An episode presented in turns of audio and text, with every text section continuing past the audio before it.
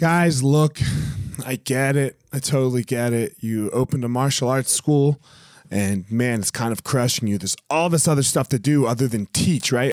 You love teaching. You love jujitsu. You love Muay Thai. You love karate. Whatever it is you're you're teaching.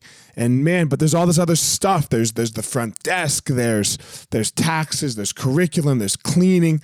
There's there's problems, staffing, covering. Whew, man, it's so much. It's so much. Well, let me tell you, uh, we have started what's called Easton Online, and Easton Online is here to solve all of these problems for you. Easton Online is a digital academy for martial arts school owners and managers. Will help you establish or enhance your business with best practices. Most importantly, we're going to help you get back to what it is that you love most teaching and doing martial arts. Okay, so for more information, guys, go to easton.online. Again, that's easton.online.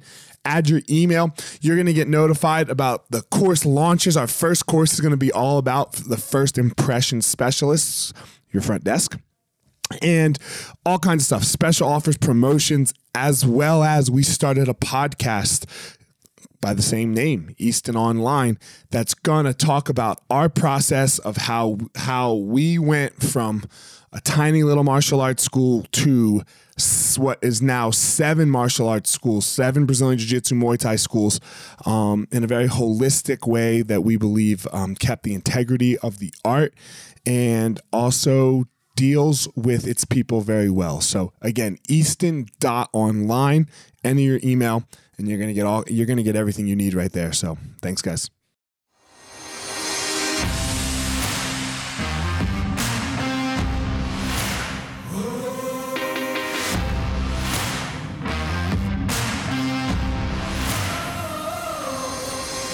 What's up, my ninjas? This is former UFC fighter Elliot Marshall, and this is the Gospel of Fire, where we are going to learn how to go into the fire so that we can find our power and live the best life possible.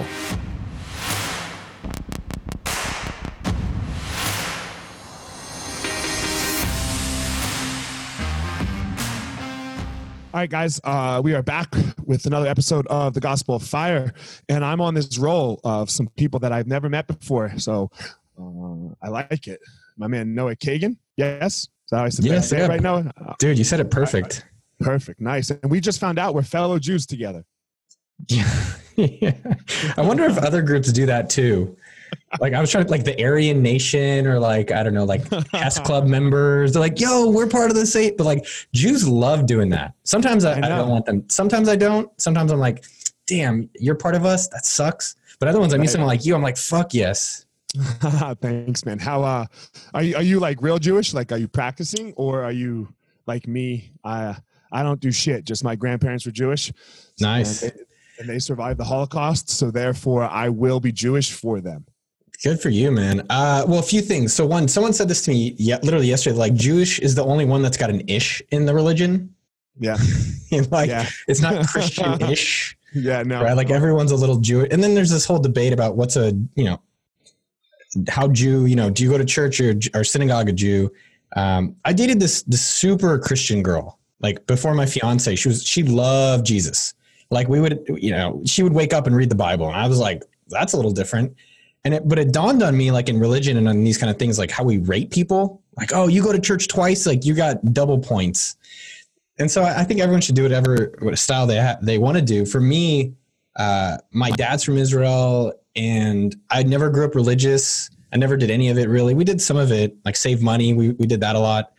Um, this bad joke. No, but so that's a good joke. I liked it. That was not bad. I think I like that. But I would say in the past maybe three years, I've gotten more into it uh, culturally. So what does that mean to me? It's like most Friday nights I do Shabbat dinner.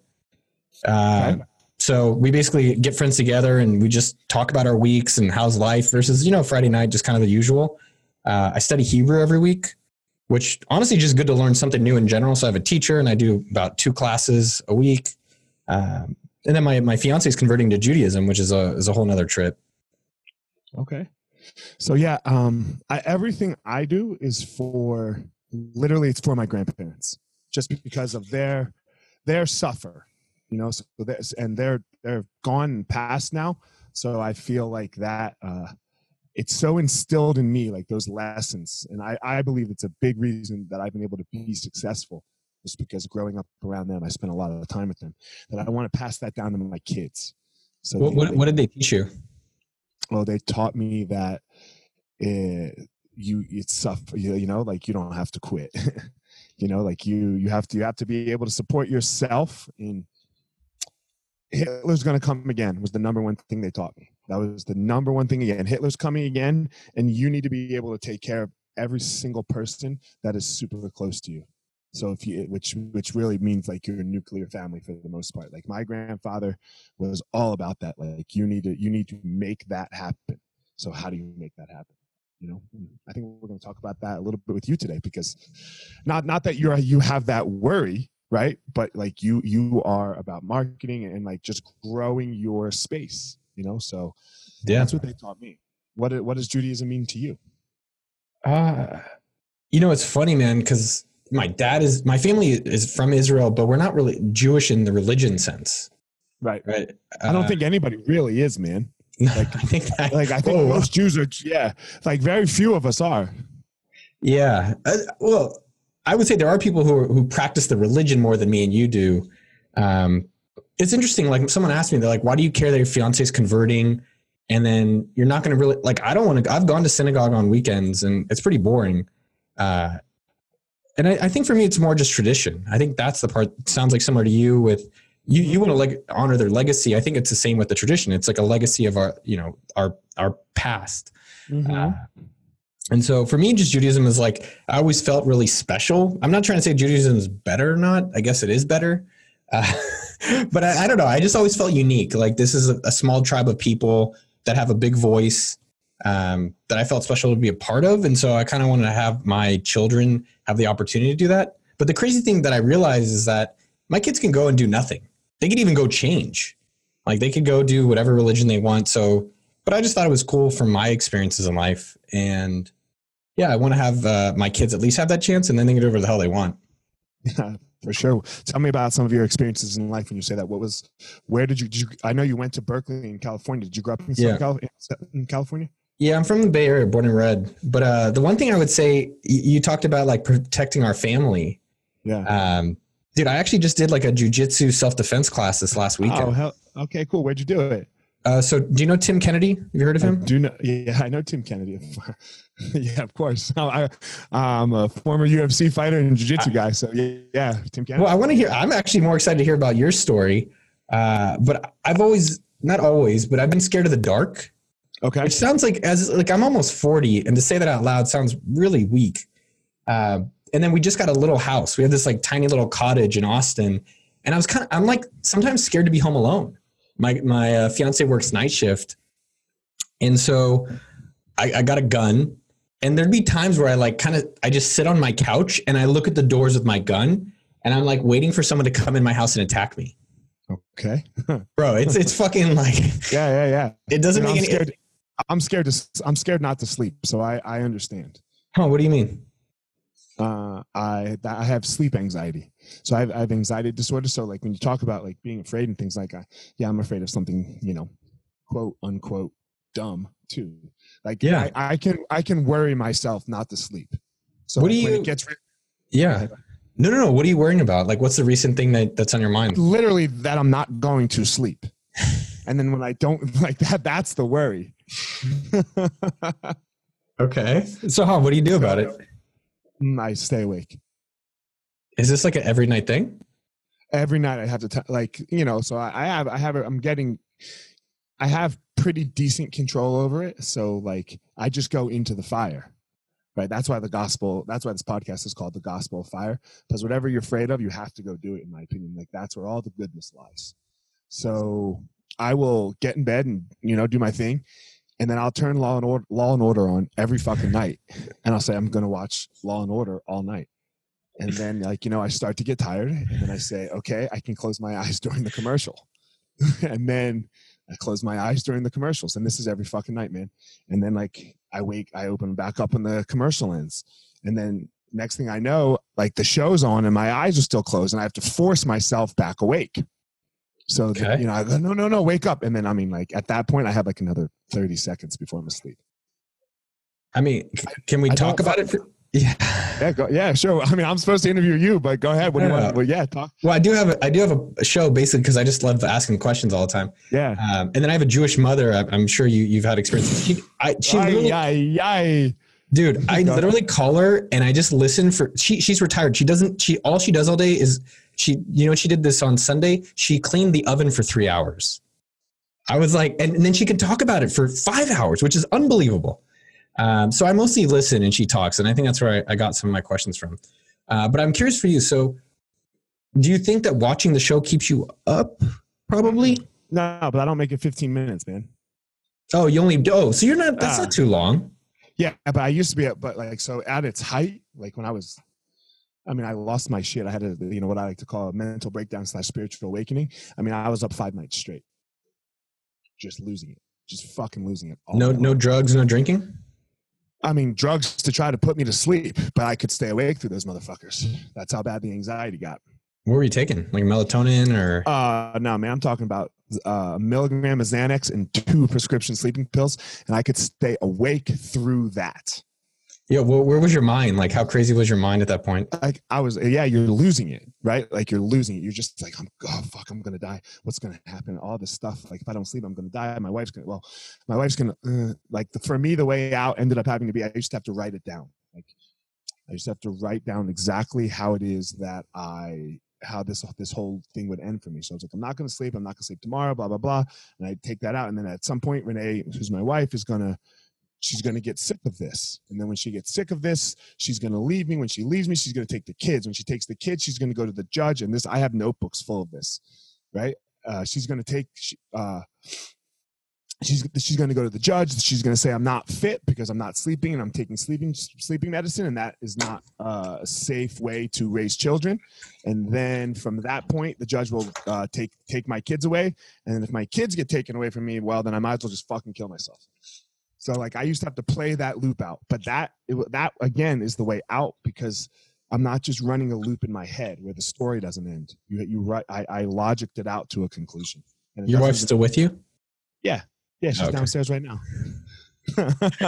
I, dude, I, I had that thought, but I was, it's because I was farting so much. I thought my fiance was going to leave me. Like mm-hmm. I, it was so bad. I couldn't even breathe. And I'm like, I look at her. I'm like, yo, you're the sweetest thing. I don't know how you could stay through this, but somehow she does. That's so funny. I used to, fuck man, I used to get up like uh, when my wife and I first started dating. I'd and I'd be at her house or something, and I would leave at five thirty in the morning because I, I I shit at six o'clock like on the fucking dot. Man. That's impressive. yeah, it's you know my eyes open, got a shit, and so I would like wake up and like be like bye, and then drive to the gas station down the house and just fucking let it loose for twenty minutes. Dude, I love it. The uh, the whole sleep thing. There's that Matthew Walker book that got pretty popular, the Why We Sleep thing. Yeah, Uh, I haven't read that. I think it's just interesting because like I definitely heard about people talking about how like they have morning routines and then less people talking about night routines. Mhm. So it's kind of just interesting how I don't know to experiment with like how different people fall asleep effectively. Like for me, I don't know. I have a pretty standard routine that's worked for me, which is just like I do push-ups every night. This is Okay. something I started doing at 21. Or like I just do now I'm doing about 50 a night. I used to do 100, but then I would just not go to sleep because I didn't want to do the push-ups. right. Ah. okay. yeah, so it's push-ups. Sometimes I wear those blue blockers. You seen these glasses? They look like pedophile glasses. yeah, my wife has them for work. She has a, a pair of glasses that block out blue light. Right? Is that what it is? Is your is your wife a nurse? Yeah, she's a nurse practitioner. Oh, my fiance's a nurse. Oh, cool. So Yeah. in the hospital, right? Yeah. Exactly. Exactly. Yeah. Yeah. So in the hospital, so she was getting these crazy headaches. Your wife, your fiance too. Yeah. So, um, so Southern California. Oh yeah. So, anyways, I was just saying push-ups. But for me, what I've realized, like I use the Oura Ring. I actually find it super helpful. I don't know if you've checked it out. Mm-mm. Um, but the Oura Ring, I found it. It kind of tells you when to go to sleep, and then I love seeing how long I slept. So every day I kind of get up in the morning. Today, dude, I fucking I'll show you. But today I like super slept. Um, I did like 12 hours of sleep. Yo, it's just- shit. Well, it's just kind of nice to show you. It's like uh, I slept from 10 p.m. to 10 a.m. I was going for it. Yeah, you don't have kids. No, not yet. Not yet. yeah, the way that ends, man. That Ugh. ends. See, that doesn't sound appealing. But yeah, that and then so the Oura ring, and then uh, I read a Kindle. I don't know because like I found when I was watching, so no TV in the room. I don't have my phone in the room. I just found when I had that, it was just easy for me to be stimulated. Mm-hmm. Mm-hmm. Yeah, I stay off the phone. Phone, definitely try to stay- Even the TV, I'm impressed you could do it in 15 minutes because if I start watching something, it's kind of a rabbit hole for me. Yeah, see, I'm not like that. My wife gets mad at me because I'll fall asleep during shit that we're watching. Is that We every woman? Oh man, we could go down a rabbit hole where everyone will unsubscribe from my podcast here. No, I don't. I think they could relate because, like, I swear, Yeah, I used I to. Ha- I had an ex who would yell at me if I fell asleep during a movie or a TV show, and I, I don't give a shit. You fall asleep, I'd like, but she was just mad, legitimately, if I would sleep during the show. It's like you left them. And you're like, I didn't leave you. I'm right here. I'm just fucking sleeping. Why are you waking me up? That's a fair You know? point. Well, it's like the, it, I think it's related to the five love languages um, with quality time. Quality time. Yeah, because like I just want I want to buy him gifts so I don't have to hang out with them. I'm like, oh, here's a gift, go enjoy it because that's what I like. Um, but my fiance, she's, what's that? Is that yours? Gifts? Oh yeah, I'm like be some like thoughtful gifts of sort, uh, and then words of affirmation. I like that. But with my fiance, she literally just wants me to sit next to her, not have my laptop or phone distracted, and then watch some like kind of shitty Hulu show or Netflix show. Like, you know, what do we watch? Uh, like Little Lady, something. I, I don't even know. Three Little Ladies, Little Lies, Big Little Lies. Oh, Big Little Lies, dude! I fucking love that show. I mean, so like, hold on. So I'm in bed at, at like eight o'clock every night, and we watch some, and we watch TV for a little bit. But then when it's sleep time, that's when the whole Law and Order thing happens. Um, but dude, I love Big Little Lies. Love What- it. That's how I know you're married, bro. So, man. do you feel because you watch so much Law and Order, you're like a detective now? Uh, I, you know, very rarely do I come across an episode that I have not seen. Okay.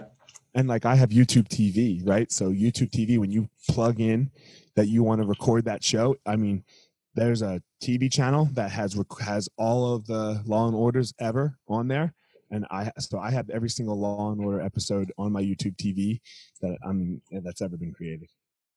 I just feel like I could trust you to like solve cases.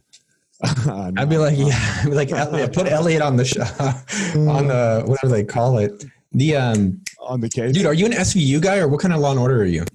I mean, I watch SVU, but not to fall asleep. I am a straight old school OG Law and Order. Dick Wolf, you got it, man. All right, Yeah. I'm an SVU guy, but I haven't seen that in a long time. I, I liked SVU too, but man, TV went out, bro. TV went out when when all these new, for the most part, when all these like Netflix and HBO started putting out these series because the, their series are just so much better. Yes, and uh, I don't know. I feel like a lot of the shows on Netflix or Amazon or all the other different. I feel like they're all cheap. And what I mean by that is like, I don't know. Like I feel like the quality of the stuff is just like, uh, uh, like I watched like The Witcher. It's some new Netflix shit or like another one. I'm like, this feels cheap to me. Like it's not quality. I- like like Showtime, HBO. That stuff is just like meaty, like thorough, thoughtful stuff. Game of Thrones, Yeah, Game of Game of Thrones, Thrones, amazing. Sopranos, Sopranos, uh, Six Feet Under, six, I didn't do Six Feet Under. What's True Detective season two? True is Detectives, The Affair. But- Yeah, amazing, amazing. Dude, you know what I got into recently? This shit, and it this is not helping me sleep at home because I sleep at home with, with my gun. And I told my fiance never because she did night. She was working night shift. I told her never to surprise me in, uh, coming home. I don't want to shoot her. I also have a taser on the bed, uh, next to the bed. You don't want to come in my house, dude. I'm just warning No, people. all right, or Don't they do in- want to come in. Go ahead. There's nothing to steal. Even that's the fucked up part. I got nothing. Um, but I've been reading. I've been really fascinated with all these like serial killer, murder, real life murder books. So into it. Did you wa- have you watched? Come on, man. Tell me you haven't watched. Don't fuck with cats. Dude, I watched it yesterday while I was biking. So I have like a little trainer bike in my uh, guest room, I, and I watched the whole thing. Yeah.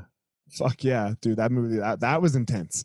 That was good. My girl, oh, the only thing, my fiance is like, it's so scary. I was like, It's not scary. it's not really scary, but it's definitely intense. It's intense. Yeah, different different words. There's So one. tell me you- about your. I want to know about your Tim Kennedy thing, and I want to know what happened. oh yeah, yeah. Well, here first, I'm gonna give a plug on. Read the book Chase Darkness with me.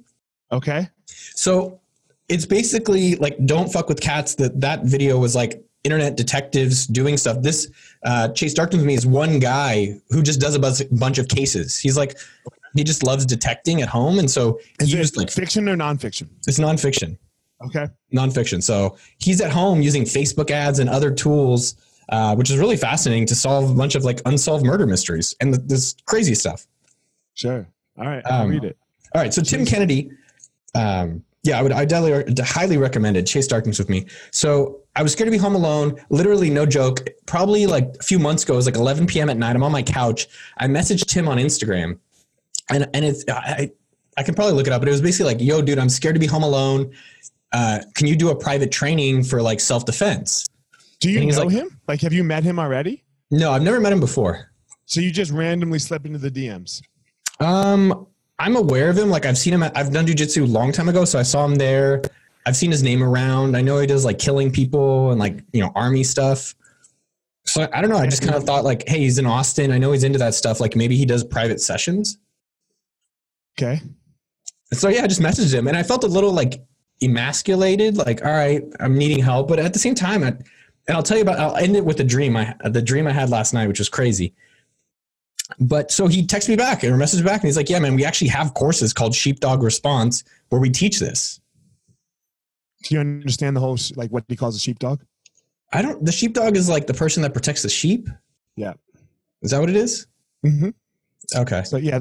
Anyway, yes, but he is he is all about this protection thing. Like, dude, fucking ISIS put out. uh He got a letter from the FBI. I don't know. I think it was like two years ago. You know that ISIS was after him. Okay. And he was like, "Oh fuck yeah!" And they were like sending. They wanted to send protection, put him in hiding. He was like, "No, go fuck yourself." Okay. And then he was like, "Yo, ISIS." He like tagged all these motherfuckers. He's like, "Here's my address.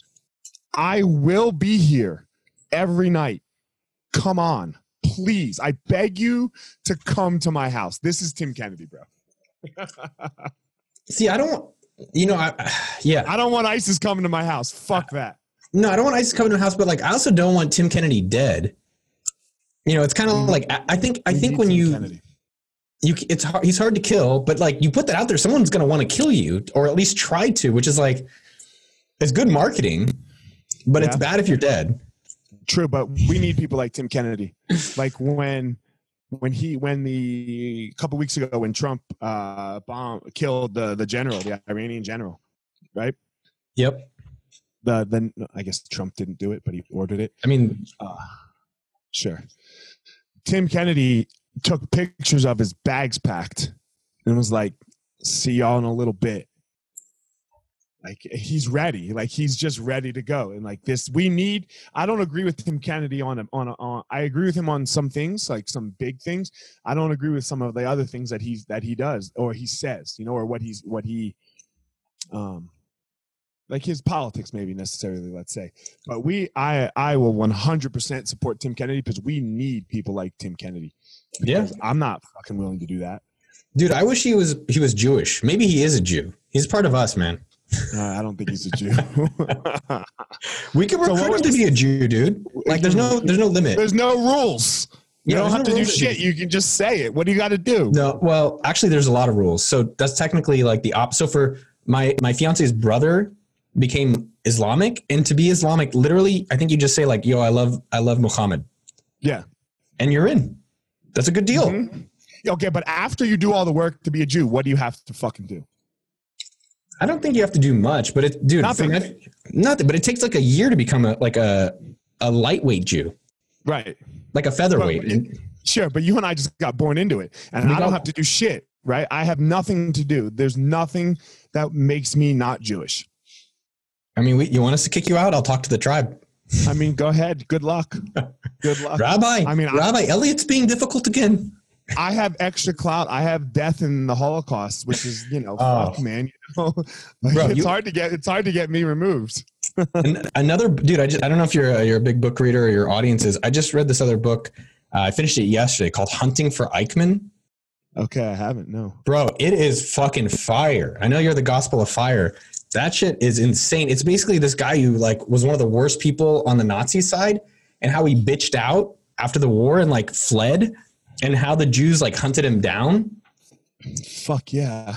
Dude, it's a it's like unbelievable story. I couldn't believe it's a book. So There's, I love that. There's one, there's one on Netflix right now. I can't. I can't even remember what it was called. Hold on. Yeah, you need to have your it. assistant person. Yeah, I know. I, I I have one for my other podcast, but for this podcast, I don't. I can't afford it.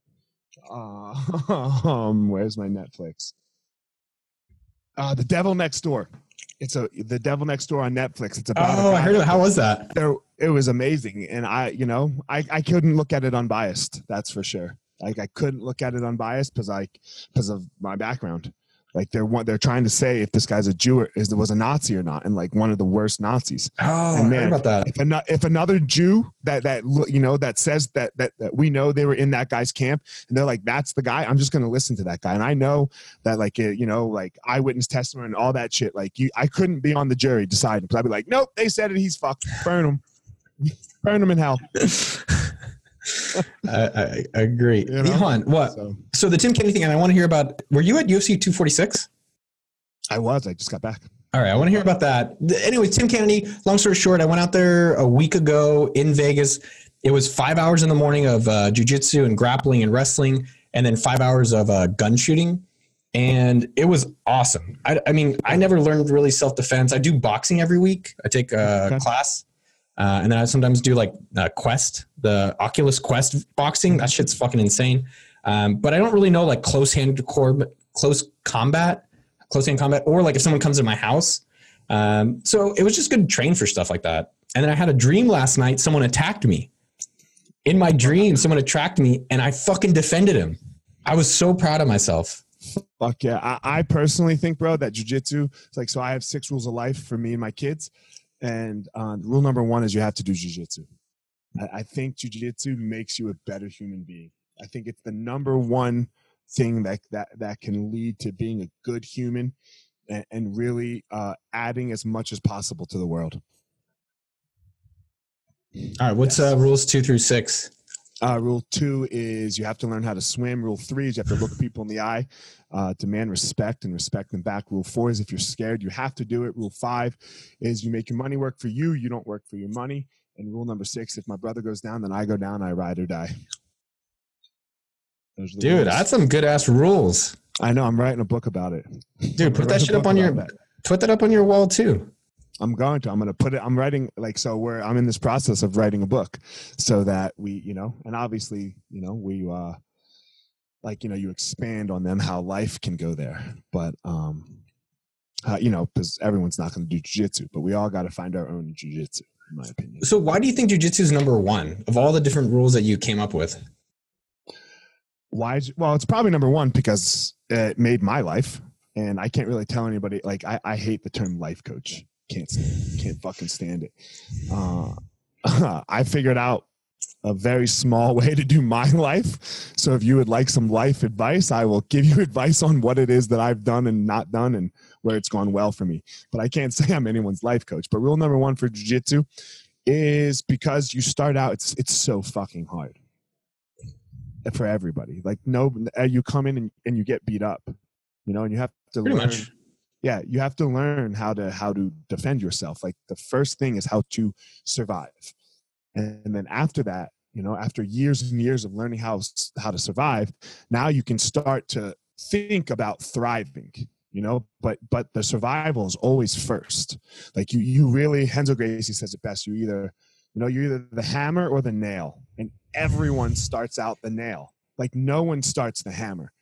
You know, so when you build, when you develop nail skills of your life, of how to do life, and always, no, no matter what, I know I can survive.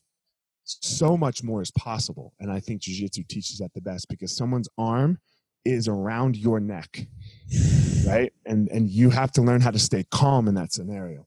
And the second reason that jujitsu is the most important thing is because you need a brotherhood. You need people to do it with.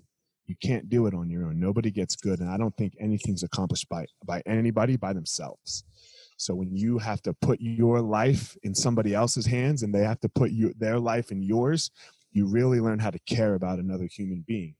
And I think that's what's missing the most in the world is we don't do that together enough. So that is why jujitsu is number one. Dude, respect. And if you can argue, if my kids can argue their way out of that, they don't have to do jujitsu.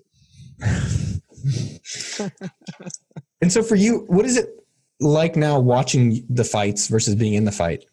Oh, I don't. So I I rarely watch. I was only there. I worked. I have a fight. I so I coach fighters now. So I have a couple fights. So I had a fighter on the card. Um, Yeah, I saw that. it- yeah. What's it like? Yeah, dude, I'm curious what it's like in this in this like cage where everyone's watching two grown men like try to kill each other. It's super intense. It's the most intense moments of your life. So that's what it's like to be in it. You know, uh, you've never been more present. You're not thinking about anything. You don't care if your wife's mad at you, uh, or your kids are, you know, diaper needs to be changed. Like n- nothing else matters except for the very moment. So that's why it's very beautiful. Like, uh, it, it's about you in there. Now, watching it from the outside as a coach uh, takes practice because you have no control. All you can do is give advice right? You can give advice. You hope you did the best in preparation, and then you go from there. And you have to adjust on the fly. It's a very hard thing to be able to do. With go, like, um, go watch coaches if you know if if you want to study. I think they do a very poor job for the most part because they're like, "Come on, I need you to, I need you, I need you to pass the guard." Like, did you learn what the guard is? Like Is the that- position where you're laying on your back and someone's in between your legs, right? Okay. Like you know, you know, for you to do anything uh, uh, advantageous, you need to let's say pass their legs and, and get around them pass the guard noah pass the guard yeah no shit man that's like your marketing right like you know what what is something that somebody needs to do in, in your field give me an example in their in like doing their online business. It's like, oh, what Yeah. marketing? Like, go and do more marketing of what's working. hey make a facebook ad that that's what that's what that's how most people coach if you told someone to make a facebook ad how how well would that go Uh, not great. not great why I mean, because there's just more to knowing about how to do it. But I I think part of some of it is like just getting. I, I think your point is that like it's hard to actually do the thing you're recommending. Well, no, like so if you're going to coach me through making a Facebook ad, we're going to do a screen share, right? And you're going to say, "Okay, take this, click here, do boop boop boop something like that, right?" Or you'll like walk me through a set of instructions where when you're coaching an MMA fight, you can't say, "Hey man, I want you to punch him with the, in the face." Yeah, no shit, you want me to punch him in the face. How am I going to do that? Like cuz we are, you know, you as the outside observer as the coach, um you you have to be able to relay information in a way that the fighter can hear and do but Okay. it's not too not too complicated because they can't be thinking either you know It's so it's a very it's a very intense it's a very intense moment 15 minutes And so, what was it like for you? What was it like for you for this fight? oh my god knocked him out in 70 seconds so wasn't much to do No, but I think that sometimes I wonder about coaching more specifically about like how do you give advice that's maybe not what they like the better advice, even though they don't want to maybe hear it. oh you like- stop you have to stop What do you mean? if you're not if the person's not performing if i'm like hey i want you to do abc and they're doing xyz and they keep doing xyz then i as the coach have to move on from xyz from abc and then i have to give them a different answer and then maybe in between the rounds when i get a minute to talk to them and sit down i can then when when, there, when it's not chaos when well it's still chaos but it's a little less chaos i can say hey take a deep breath you know blah blah blah. Okay this is what i need you to do. I need you to do abc and they go uh, and then i then you have to have them repeat that back to you. What is it that what is it that i'm asking from you? And then they say abc if they say if they say you know rst well fuck you gotta, you gotta try again. But so that you know that's coaching. But like you know probably the same way you coach people. What's that like? I don't know. I'm actually trying to document how to teach because I was looking for material on just how to be effective teachers, and I've just been observing like how Tim's stuff did it. I observed my friend taught uh, my fiance how to do skiing, mm-hmm. but I I think some of your your stuff or some of what you were mentioning is just um, maybe documenting a process, but then also just trying to see what's effective, right? I think your point is like, yo, show me. Another way of teaching is like, hey, just go do it and see how it goes, and then from there we can make changes. Uh, I don't know if there's like a definitive right or wrong way, but I definitely think there's better processes or better systems of effective like learning and effective teaching. yeah for sure have you ever read uh, josh waitzkin's book the art of learning Uh, I think a long time ago. I know he's a chess dude. yeah he's a chess to chess to jiu-jitsu he uh so he owns some of uh, uh one of the best jiu-jitsu schools in the country um so Josh does. Uh, Josh says he's part of Marcelo Garcia. Marcelo Garcia is, you know, one of the best pound for pound jiu-jitsu schools, uh, one jiu-jitsu competitors ever, and he has a piece of Marcelo's school. Yeah, they they work together. It's pretty damn cool. Yeah, it's cool. What did you take Um, away from that in the way he's recommending teaching, or what you've Uh, observed, like, or what you've observed teaching uh, with jujitsu? Um, you can't make it too complicated. You have to keep it very, very simple in the beginning. You have to put things together so how people can how people can understand a bigger process, even when they don't understand the bigger process. So if you get too technical in the beginning, I would say that the student suffers. You know, Okay. where if they can just grasp, and then as as the as people prog- as people progress, then you can start to get a little more technical in the sense of. Uh, okay, I really need your left hand here, you know, and you can't fucking move that. But if they can, you know, get get basics, you know, basic ideas in the beginning, just to survive in whatever field they're doing. So, um, but I'm gonna switch the interview. I don't want to talk about me. I want to Bro, all right, all right, all right, fine. I'll shut up. I want to talk. No, it's all good. Um, so you grew up in the Bay Area, right? Y- Yay area, yes, the What, 408. did- what what was early life like, and and like like through high school and college, and, then what got you going to where you are? Um, so I grew up about two miles from Apple headquarters, Okay. and it was just by chance that my family was around that stuff. Um, my dad kind of was a copier salesman, so I don't know if people remember those, but copiers and faxes. And so I was a little kid. Uh, in his like he had a rape van, you know those like creepy looking like blacked out vans where he'd go do deliveries and I was stuff. like, yeah, what? You know, he would do, and I would just be, you know, he was he was a slob, but he would just go and hustle the shit out of it. And I just remember him like going into you know local stores, and then we he'd have he'd hire Mexicans like from Home Depot and be like, help me carry this stuff, and then we'd go get Mexican food afterwards. And uh, and then my stepfather was a computer engineer, okay. and so he he brought home the first laptop like back in the day where the you know big ass keyboard folded down and kind of got me into you know I'd break the computer, he'd fix the computer, then I'd break the computer, and then he'd fix the computer. Um, and I just always loved technology. I think I just always loved computers. Um, you know, the internet was coming up, and it was just something that I was like, "There's no somehow I'm going to be in part of this." Uh, I'm not sure. What's that? How old are you? Uh, 37. Okay. But I got a facial yesterday, so I probably look more like 35. Yeah, that's yeah. what you're thinking. Have you ever had a pedicure, bro? Dude, I've had, I often look at me. I'm dating, I'm, marrying a Vietnamese woman. Of course, I've had pedicures. Fuck yeah, man. Uh, I never like I just I didn't I discovered pedicures within the last year. And This- there's this one place. There's this one place in Maui, bro. Holy fuck! It's like a blowjob for your feet. That what they do, Dude, not I like that. That's good Oh my- phrase. Yeah. Here's the, the only thing with pedicures, it's like my favorite part of a pedicure is when they rub my legs. Hmm And so I'm like, yo, I just want that part. Yeah, That- me too. So I could care less about everything else, right? But but at this place in Maui, bro, you got to go to this place. It's called Queenie's.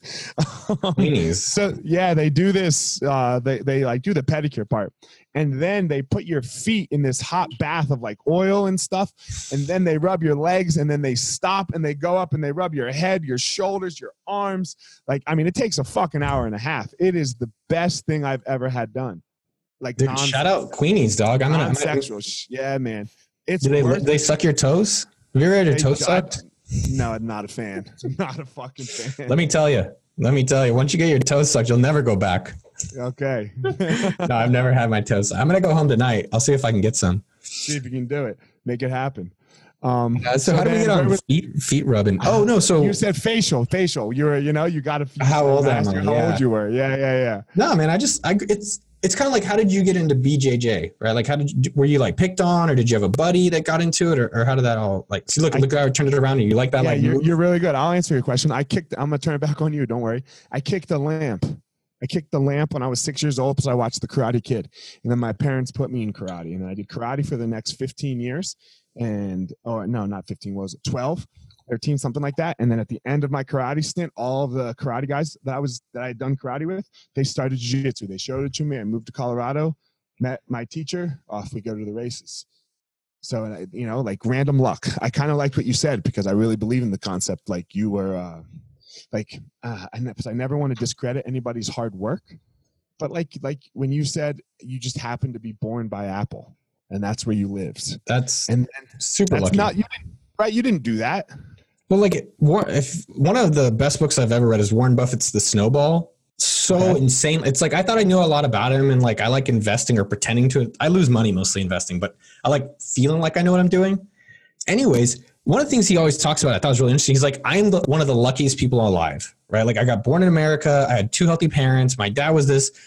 There's something to be said for it. I mean, I think we can, it can be argued either ways, but yeah, there's definitely makes it easier to be successful growing up like right next to Apple. Dad was an engineer. It's I don't kind think of like you can argue out of it. I'm sorry. no, no, I'm not even trying to argue. I'm like I maybe I think sometimes like I was talking about it with a buddy yesterday. Like I, so from the the jujitsu two weeks ago, my ribs hurt because I got side mounted and kneed in the side. Uh-huh. Shit is, and so like the thing that dawned on me yesterday was like I don't even appreciate my body that much. Like I work out a lot, but I'm never like touching it and feeling it and be like, dude, I love this body. And I think that's kind of the same thing that that you're saying, which is just it's kind of like, damn, life is pretty fucking great. I sh- but it's hard, you know, the day to day to appreciate where we came from or even where we're at now. So, as is life. as is life yeah but that's why but that's why other people when you're like uh, when you do things for other people in my opinion it really can help you appreciate like it, it takes the focus off of you and if you can if you're you know and and i won't say that it's truly altruistic because i know that when i'm doing things for other people i'm doing it for for me really at the end because i'll be better i'll learn something i'll gain something i'll have a friend i'll i'll, I'll, have you know like uh like we're talking and I, and like i hope like everyone that i talk to on my Oh, podcast like, friends. oh I'm inviting you to my bar mitzvah. Oh uh, aren't you 13 Yeah, it's the facial. It's the facial. yeah it's yeah No, actually, it's funny you say that, dude. We um we experimented. We're experiment. So, OK Dork is like my marketing personal stuff that I just kind of like Mhm. fuck around with. There's not a lot of. uh This is a chance for me to share what what I'm learning in marketing for our business, AppSumo.com. And uh, one of the things we did is we created a Facebook group to try to like see if we can do grow our audience through that. And uh, one of the things we're experimenting with is like weekly pick one person, and everyone in the group has to help them. Oh, that's So- cool yeah Yeah, I thought it was pretty interesting because I was like, man, you know, I'm in these groups and I want to spam them about my stuff. And I was like, what if we just chose someone and then everyone dedicates to helping them, and then 50 people a year get a shit ton of help in one week, and maybe maybe you end up doing more. But I think to your point, uh, it's really hard not to feel good when you help someone else. yeah it's for you like try like it, it, at the end of the day it's altruistic but it is for you people you know we feel better and that that's what i i believe really um really brings the world up and not puts the world down No, I feel you, man. Yeah, so I, in the Bay Area, I just got lucky. It's, it, you know, I, I thought about Yeah. this recently in business. Is that in business or probably even jujitsu and, and almost in all aspects of life, um, if you could be just in the tidal wave and you have your surfboard, you're gonna get a like a big ass push. And so I was just a part of like being in the Bay Area at the right place, the right time, where like it's you know it's like investing. If if you invested anything in the stock market in the last ten years since 2009, you probably did well. And it's just because guess what? Everything fucking did well in the past 10 years. So the same thing with the tech and the Bay that um, it kind of put me in a place to be successful. And I think that's like that's a good message. Like, are you at the right gym for jujitsu? Like, if you're just with the greatest teacher, even if you suck and you're with a dope ass teacher, there's a good chance you're gonna do really well regardless. yes Hopefully, you got to do the work and all that other shit. But it's just like being in the being in the place at least to be more lucky. yes i 100% agree with you so did you leave the bay area I did actually. I mean, it's been a. I think I just get. I don't think I'm unique, but I, I get restless. Like you get used to a place and you learn it. So, uh, 2010, I moved to Austin, Texas. So I've been living here since 2010. Um, I just didn't want to talk about startups and technology and funding. Like you go to a dinner in the Bay, which the beauty of it is you have genius people around you. It's like going and training at one of the Gracie gyms that you know one of the master teachers is at. right Um, yeah, that's- the Bay Area for technology. I was just was a little tired of it, and I wanted a newer environment. So I've been in Austin uh, for about ten years now. And what what is AppSumo? What what is it that you do? Yeah, I'm still figuring that out. Uh, so the That's cool. Me, me too. Yeah, we're all figuring, dude. You know, sometimes I don't think people realize. Like, uh, you know, Steve Jobs had a great quote that when you realize that no one is smarter than you, it gives you the chance to be able to do anything. And I've noticed this with boxing or even with jujitsu. I did that class with Tim. I was so scared of anybody who had tattoos. I was like, that guy's got tattoos. That guy's gonna kick my ass. Now you know what it's like to fight a little bit, bro. You look at the guy across from you, you're like, dude, like you can miss the pot belly and the fucking three necks. You just see the size of the arm. You're like, fuck, that arm is huge. or even like it, I bike a lot. I'm a huge road cyclist, and if they've Okay. got like all this fucking gear on and like they look Mhm. like they're anorexic, I'm like, damn, this little guy's gonna be fast. and then I, but I think that's kind of a life lesson I have to keep reminding myself is that it's like, yo, I can beat his fucking ass. Like it's, I have to, you know, give up how much I'm projecting and how great they are and just worry about my Right. own shit. Right. Um, so it, what was your original question to this? It was like, You left Austin. I mean, you left. left oh, what is. AppSumo? Yeah. What, what is AppSumo? What- So what yeah, Uh, so a lot of, I mean, I think in life, it's like it's culminations, right? It's like you learn some shit and then you get better, and then you learn some shit, and you, you can keep going up the step ladder. And so throughout my career, I built a bunch of web stuff. I worked at Facebook, and then I worked at, I did marketing at Mint.com, and then built Facebook games, and I did all these different kind of steps. Uh, and then what I realized, though, ultimately, is that every business out there needs customers. Mhm. Like Elliot Marshall, guess what? You want more listeners. I would bet. I do. I'm Yeah. really trying hard to figure that out. Yeah, and we can we can talk about that. Um, Okay. And so I realized that that everyone wants more customers. Software and technology and digital shit is going to get big. Uh, and then there's like this Groupon MacHeist kind of way of doing deals and shit that are, is going to be popular. And so I kind of put all that together and created daily deals for software. So someone like yourself is actually a perfect person, which is like if you're running a small online business, uh, appsumo.com, we do daily software deals where you can just find new tools to grow your business. So it's anywhere from like design tools to marketing tools to hosting tools, developer tools, blah, blah, blah. So, anyways, it's a free newsletter uh, and it's becoming a marketplace where if you're creating any software or knowledge to run a business, uh, appsumo.com. No shit, huh? I am. So I mean, I have two things going on. I have uh, this Elliot Marshall brand, which I just lose money on. Uh, I want to talk about that. That's interesting. yeah. I And then love- this? And the second thing is the training centers. Yeah, I have the training centers, and that I mean, so that just that that makes my life. That that, that allows me to now lose money here. But you know, the two kind of cross over ups. I just you know, I meet, I get to talk to cool people like you who are doing cool things. You know, last week I talked to Jason Khalipa, who is uh, a CrossFitter, but doing a little ahead of us in one in uh, the digital space that we're trying to grow in. So like now I, I have this connection through this Elliot brand that I do. So it's really cool. That's why I kind of that's why I kind of keep doing it and it might really it, it pays off in in tenfold for me in other places not necessarily right here so Dude, I, I um, fucking dig that, man. That's a great. It, it- you know, we talk about it as a business because I think the way that we've looked at it with AppSumo.com. So AppSumo is our kind of our cash cow that Right. creates all of our profit and livelihood, and you know, we get to help people and so forth. Um, and then we were literally like right before this, I was talking about our team. There's two types of investments. So we're looking at like near term, straight up ROI investment. Like, yo, we're putting five thousand dollars salary on this. Is that going to be generating six thousand dollars directly into our business? Um, and then I think some of the thing that we're working through is like, how do we have long term, non immediate investments? So the way that we look at it is that can we differentiate our revenue streams? So like you have the gym, which means you have to go to the gym or have your teachers there, which is nice if you don't have to be there. But we look at like, is there 18 month ROI experiments? So non-direct revenue experiments that we could hopefully make our money back in 18 months. And I think that's where a lot of businesses fail because they're doing all the near-term stuff.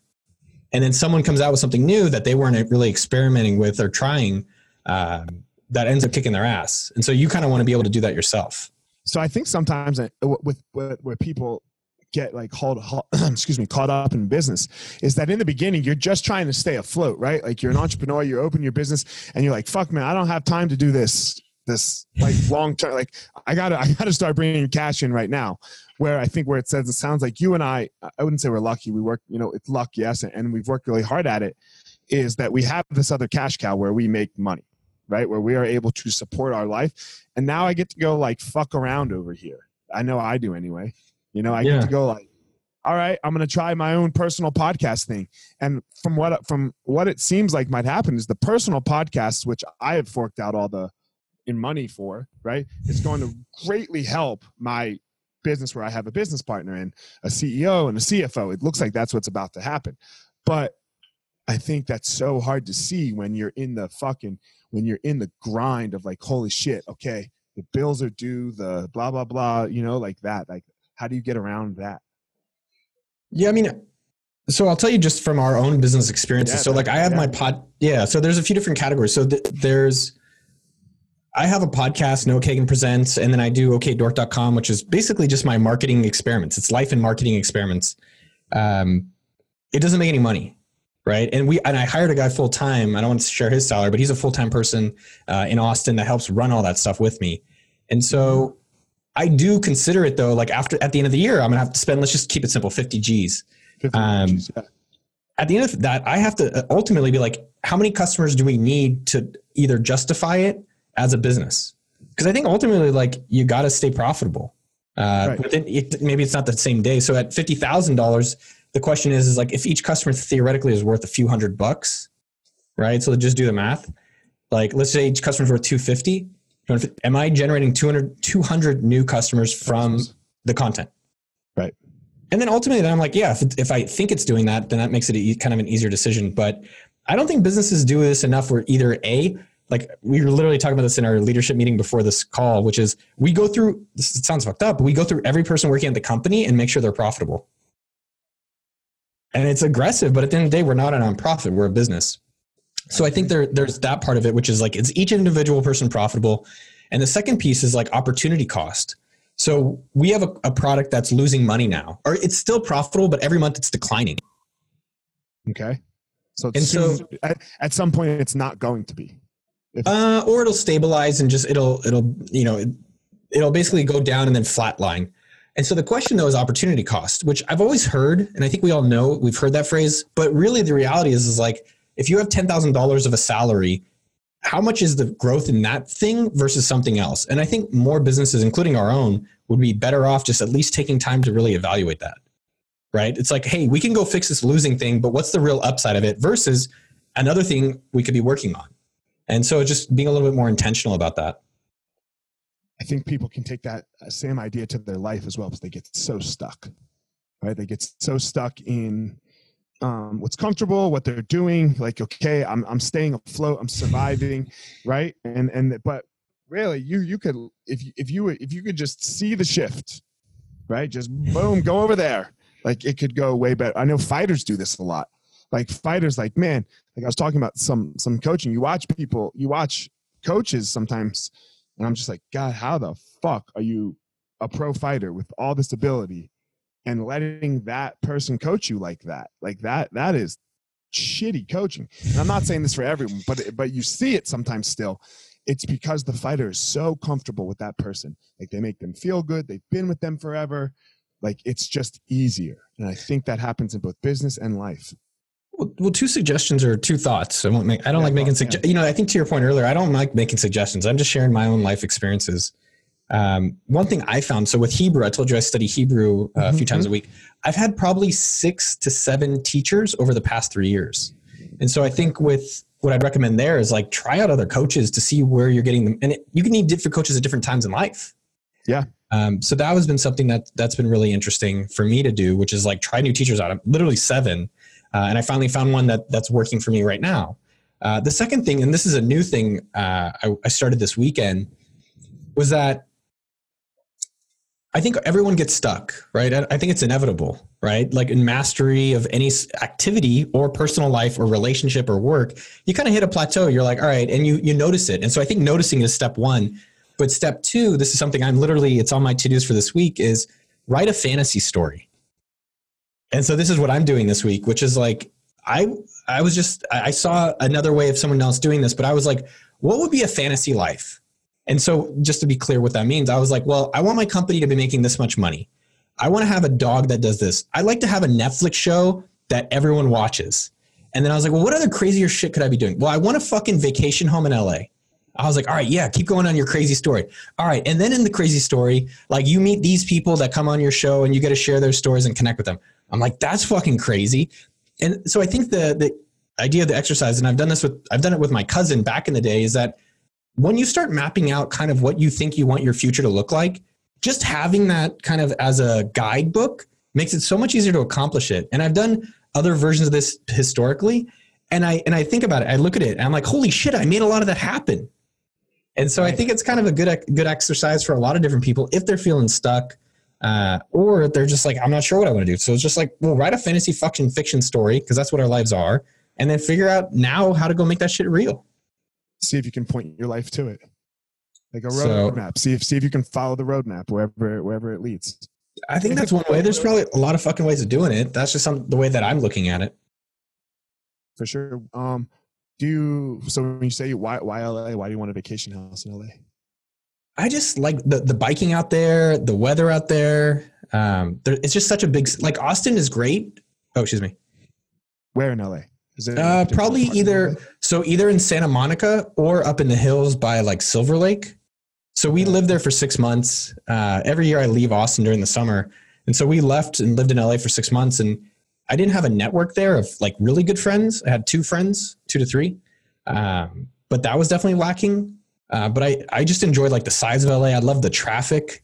It gave me a lot of time for like audiobooks and like phone You, calls. you my, like the traffic? Well, I don't said nobody ever, bro. What the I fuck? know. I hate I hate LA for that. No, I know, but the thing is, when you live in LA, a lot of it you also end up staying in your area, so you don't really experience the traffic.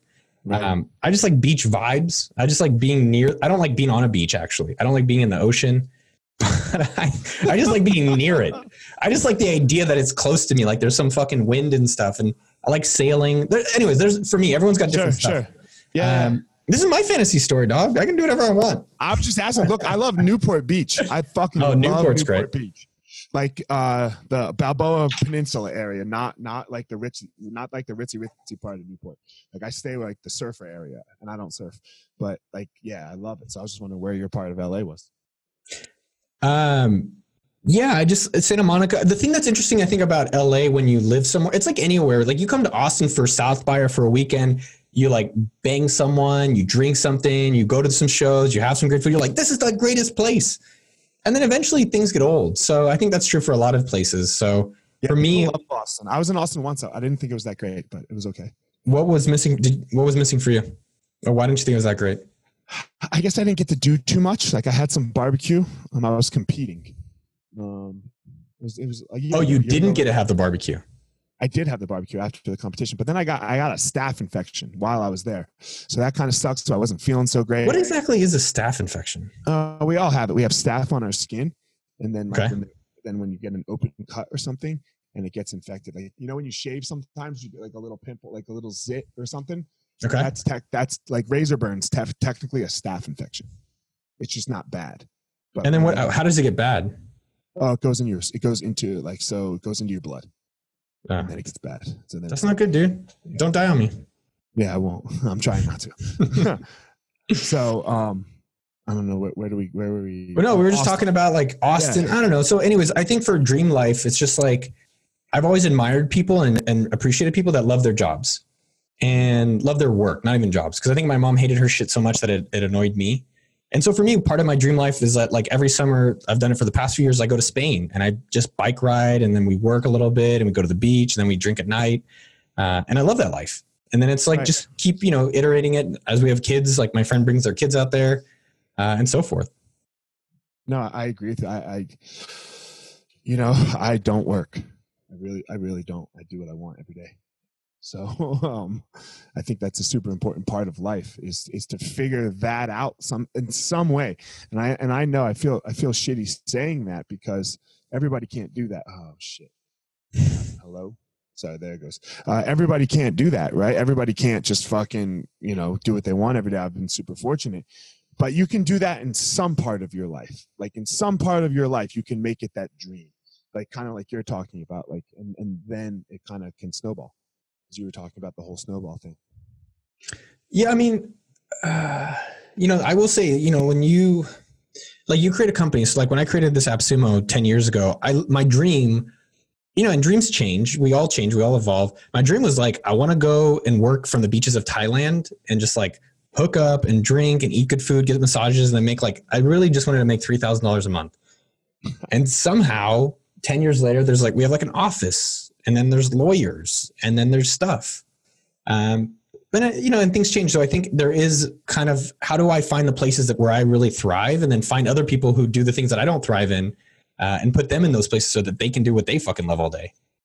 yes that's such, But- that's such a key for people right is that we try to do everything Well, I think in the beginning of all business, you have to. I think if you're not doing everything in the beginning, it's hard to to learn everything because it's like, yo, I can't. It's not great to recommend a customer support or bring them on if you haven't done some of it yourself. Um, but then how do we let it go right because because that that because you got to find someone who does who can do it better than you you have to like always be replacing yourself right that's such a huge part as uh as in the entrepreneur life I would actually, yeah, I'd say my problem is the opposite of that. I love replacing myself and everything. So, like my fiance, she was, I, I fixed the toilet this weekend, and she's like, "You didn't hire someone? You did it yourself?" And I was like, "Yeah, bitch, fix my own toilet now." And so, I think part of it is, uh, you know, it's good to keep your hands dirty, right? It's good to, uh, you know, stay kind of close to the front lines, but also like I think there's a, it's kind of a for it's it's an entrepreneurial challenge. And, you know, for you with your show and your your your dojos. Is it dojos? You say dojo, studio, academy, gym. People studio. say a whole host of shit, man. I actually, and I have a friend who has a really hard problem with this, which is how do you stay doing the thing you love and grow your business at the same time? Because a lot of times the things that you do that you love don't actually help grow the business. No, uh, not at all. And so for me and, and what I've tried to experience is just like, why can't I just stay and do only the things I fucking love and cancel everything else or find someone else to go do those things? How do you, uh, what are the what are the things you love in your business? Yeah, so it's funny. I three weeks ago I went through every single week of my 2019 calendar. Are you moving? Are we moving? No, I just I have a glare, so I'm just trying. Okay. Um, yeah, I mean, so I looked through every. I went through every single week, and I marked off all the things in a spreadsheet in a in a note that I like to do. I was like, oh man, that was fun. That that sucked. That sucked. And so then for 2020, I was like, these are only the things I'm going to do. And then is there anything else missing from it? So things that maybe it'll be relevant to some of your audience that that I found was like, I want more time for just creating.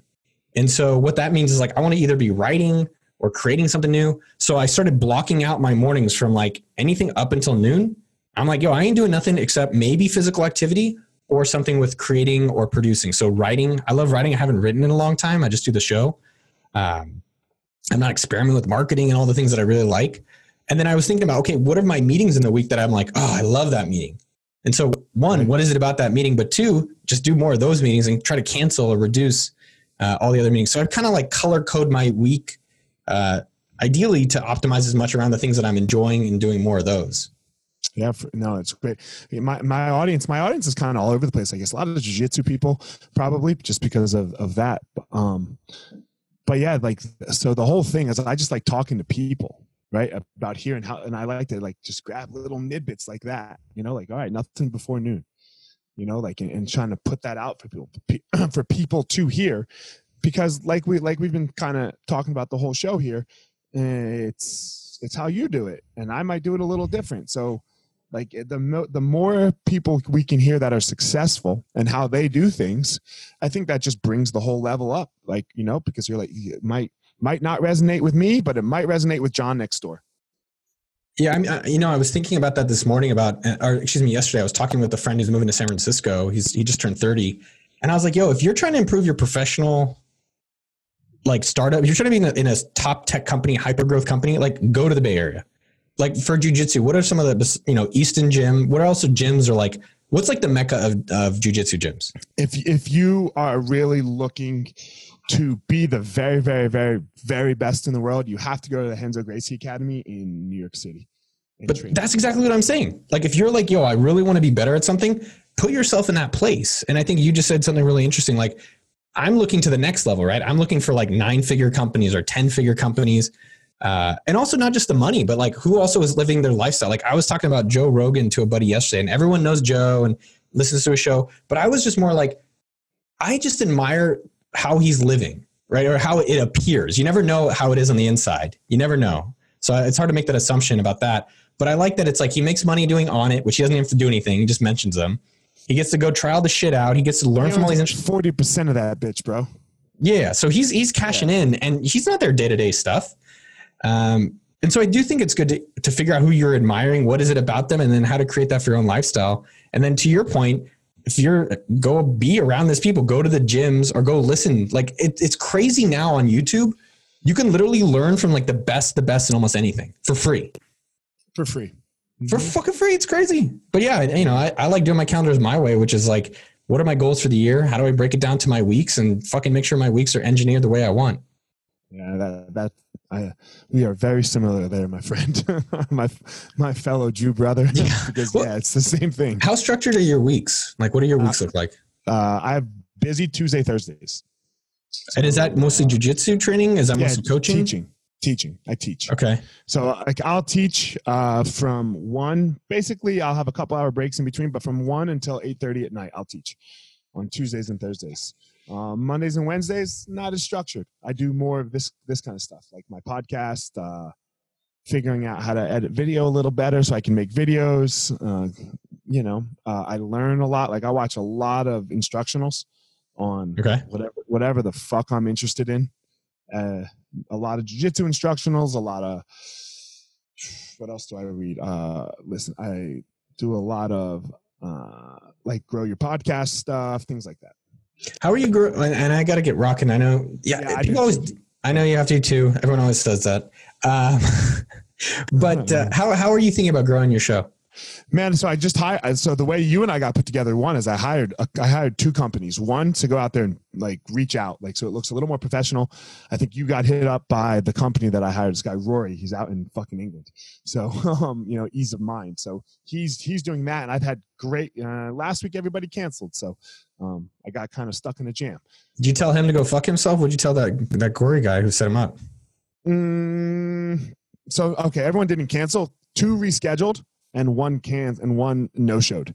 So that was a pain in the fucking ass because I would have had three in the bank and then I had none in the bank and I had to rush. I'd be like, yo, I need somebody, you know. So um, but that so that wasn't the best. But uh so I hired him and it's worked out really well so far, other than last week. And then two, uh, YouTube ads. I, I had another company to, to do advertising where we're doing uh, YouTube ads and and uh, Google ads and things like that to try to push traffic to the to the podcast. Hmm. What have you noticed from that, or what do you? How do you measure We whether that's started. successful? We are we are we are three. We are two and a half weeks in. Just started. Just started both How are you measuring success of that? clicks, downloads Of the podcast or of, on uh, YouTube? of the podcast. How many? You know. So he's tracking on his back end of how many people went and clicked on a podcast and listened to it Interesting. From the YouTube video? from his advertising. Yeah. He, So all almost all of his advertising is on Joe Rogan's YouTube page because What- that's you know. Go ahead. Yeah. I mean, I think it's interesting. Like, what are things you guys doing non-paid? What am I doing non-paid? I mean, a lot on Instagram. Like you know, I try to put out a bunch. I try to put out something every day for the podcast on Instagram, and and social all my social media channels. And I. You tell me what should I be doing non-paid? Well, I can I can tell you if you'd like. Yeah, I would. I would love to. All right. Well, I, the way that I always like to, the, the way that we've done marketing at our company at appsumo.com and the way I've done it with the show, what um, what's your goal? Uh, so I have two goals. One goal is to write this other book, but I got I want we're we're searching a book deal for that. Um, I got approached.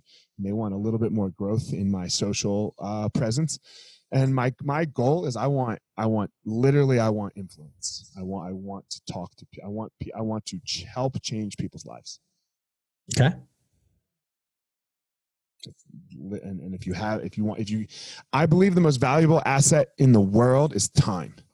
Okay. And if you can gather 10 minutes or an hour of somebody's time a week, then man, you have a lot of uh you have a lot of uh ability to do a lot of great things.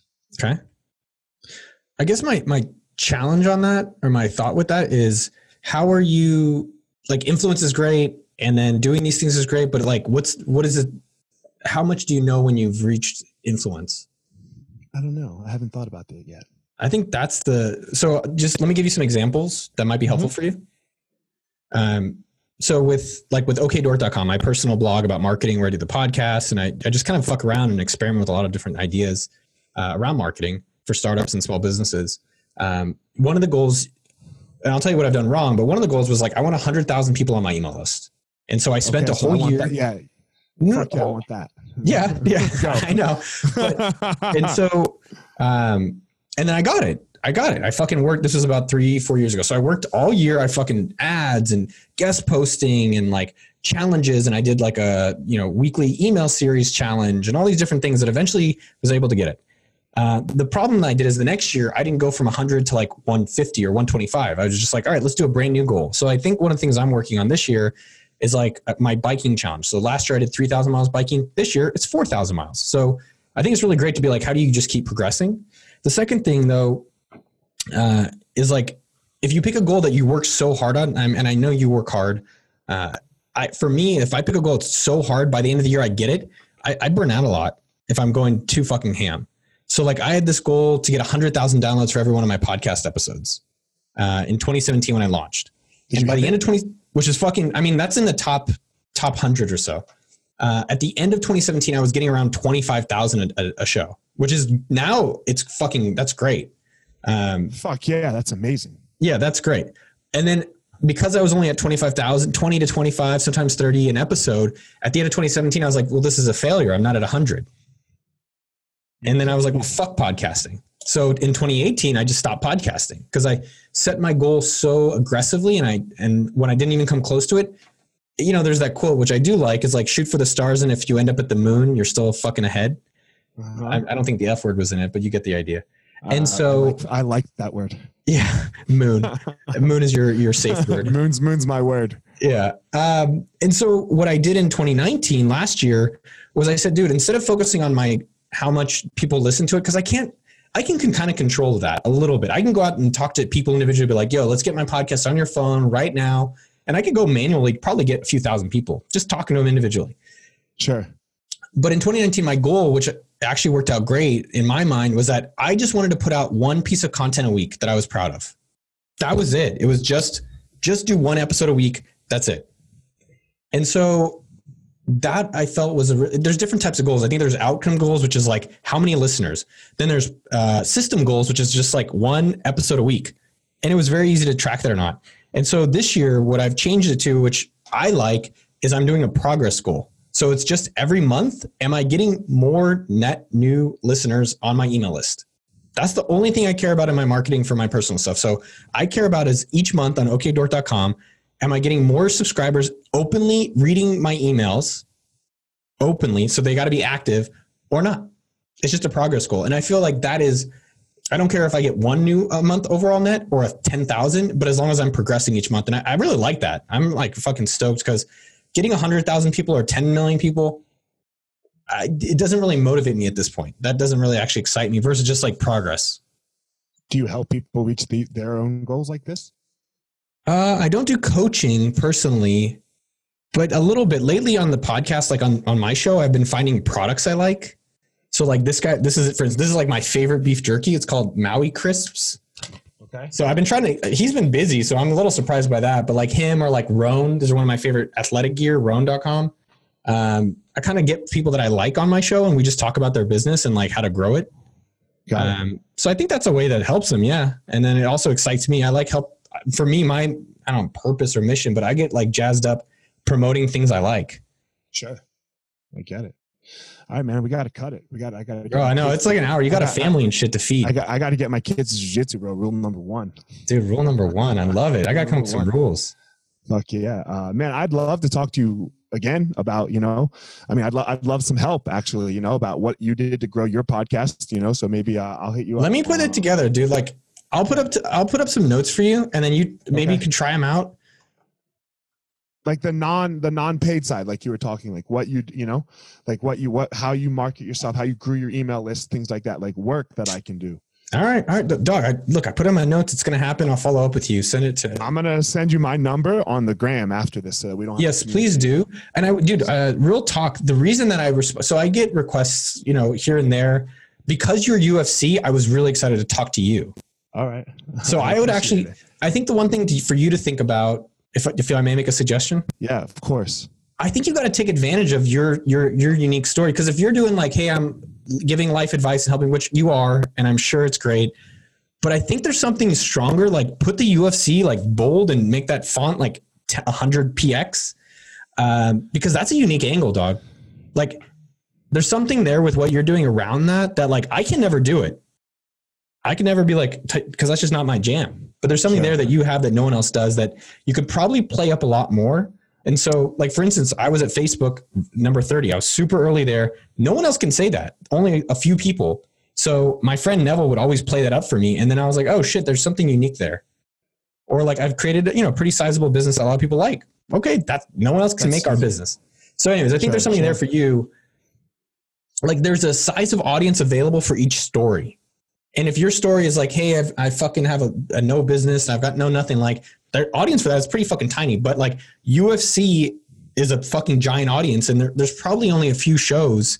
Like I, I, think Joe is one, the kid and the fighter probably two. I don't know who else is big around that, but I think there's yeah, that's an opportunity. There's there's a couple of us there, but there's not many.